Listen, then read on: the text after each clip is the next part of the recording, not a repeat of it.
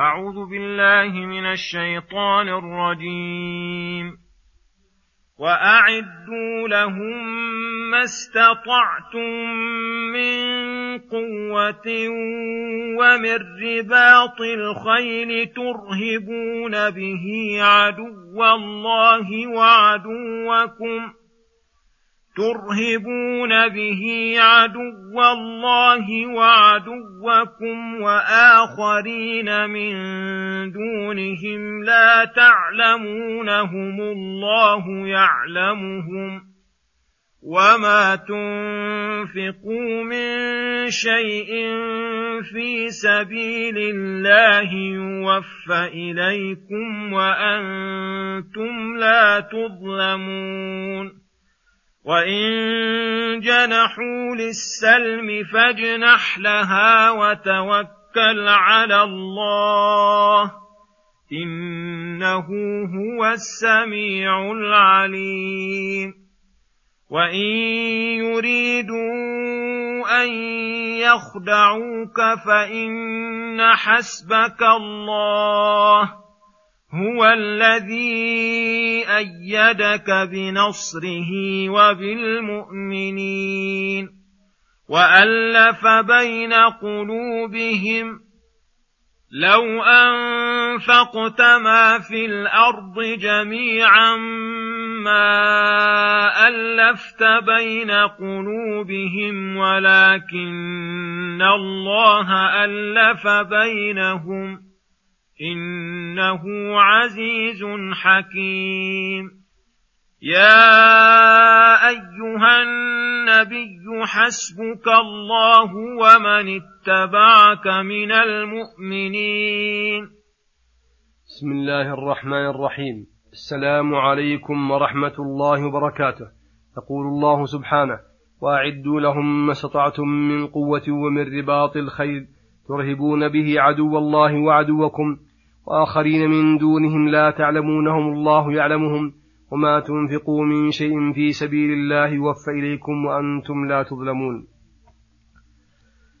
أي وأعدوا لأعدائكم الكفار الساعين في هلاككم وإبطال دينكم ما استطعتم من قوة أي كل ما تقدرون عليه من القوة العقلية والبدنية وأنواع الأسلحة ونحو ذلك مما يعين على قتالهم فدخل في ذلك أنواع الصناعات التي تعمل فيها أصنام التي تعمل فيها أصناف الأسلحة والآلات من المدافع والرشاشات والبنادق والطيارات الجوية والمراكب البحري البرية والبحرية والقلاع والخنادق وآلات الدفاع والرأي والسياسة التي بها يتقدم المسلمون ويندفع عنهم به شر أعدائهم وتعلم الرمي والشجاعة والتدبير.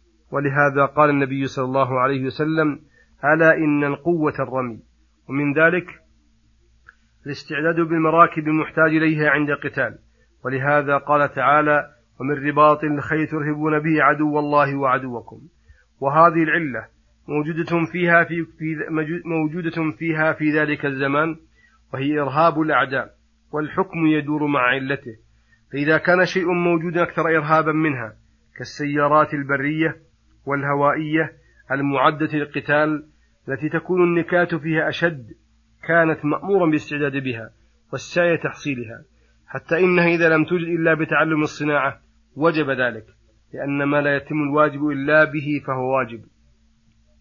وقوله ترهبون به عدو الله وعدوكم ممن تعلمون أنهم أعداؤكم وآخرين من دونهم لا تعلمونهم ممن سيقاتلونكم بعد هذا الوقت الذي يخاطبهم الله به الله يعلمهم فلذلك أمرهم بالاستعداد لهم. ومن, ومن أعظم ما يعين على قتالهم بذلك النفقات المالية في جهاد الكفار. ولهذا قال تعالى مرغبا في ذلك وما تنفقوا من شيء في سبيل الله قليلا كان أو كثيرا يوفى إليكم أجره يوم القيامة مضاعفا أضعافا كثيرة حتى إن النفقة في سبيل الله تضاعف إلى سبعمائة ضعف إلى أضعاف كثيرة. وأنتم لا تظلمون أي لا تنقصون من أجرها وثوابها شيئا. ثم يقول سبحانه وإن جنحوا للسلم فاجنح لها وتوكل على الله إنه هو السميع العليم. وإن يريدوا أن يخدعوك فإن حسبك الله هو الذي هو الذي أيدك بنصره وبالمؤمنين وألف بين قلوبهم لو أنفقت ما في الأرض جميعا ما ألفت بين قلوبهم ولكن الله ألف بينهم. إنه عزيز حكيم.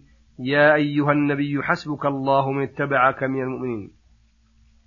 يقول تعالى وإن جنحوا. أي الكفار المحاربون أي مالوا للسلم أي الصلح وترك القتال فاجنح لها وتوكل على الله. أي أجبهم إلى ما طلبوا. وتوكل على ربك. فإن في ذلك فوائد كثيرة.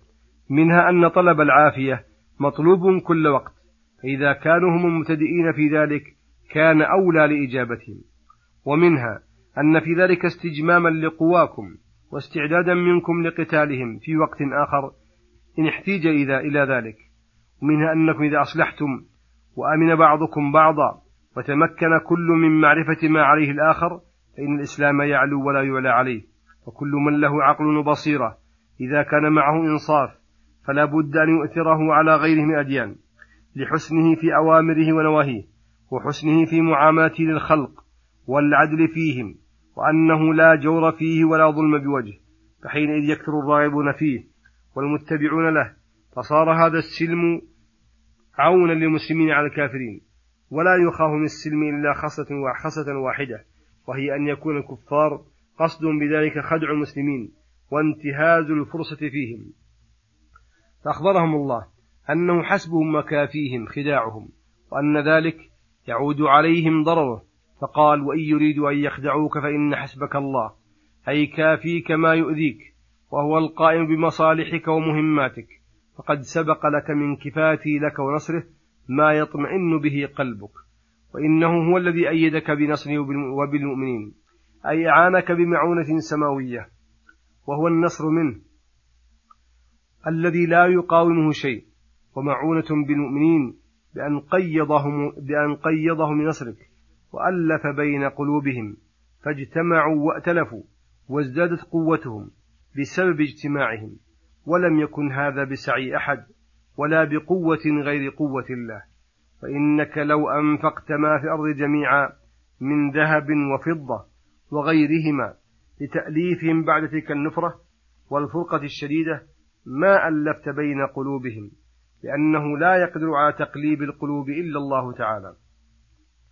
ولكن الله ألف بينهم إنه عزيز حكيم ومن عزته أن ألف بين قلوبهم وجمعها بعد الفرقة كما قال تعالى فاذكروا نعمة الله عليكم إذ كنتم أعداء فألف بين قلوبكم فأصبحتم بنعمته إخوانا. وكنتم على شفا حفرة من النار فأنقذكم منها. ثم قال تعالى يا أيها النبي حسبك الله ومن اتبعك من المؤمنين. أي كافيك. ومن اتبعك من المؤمنين. أي وكافي أتباعك من المؤمنين. أي وكافي أتباعك من المؤمنين.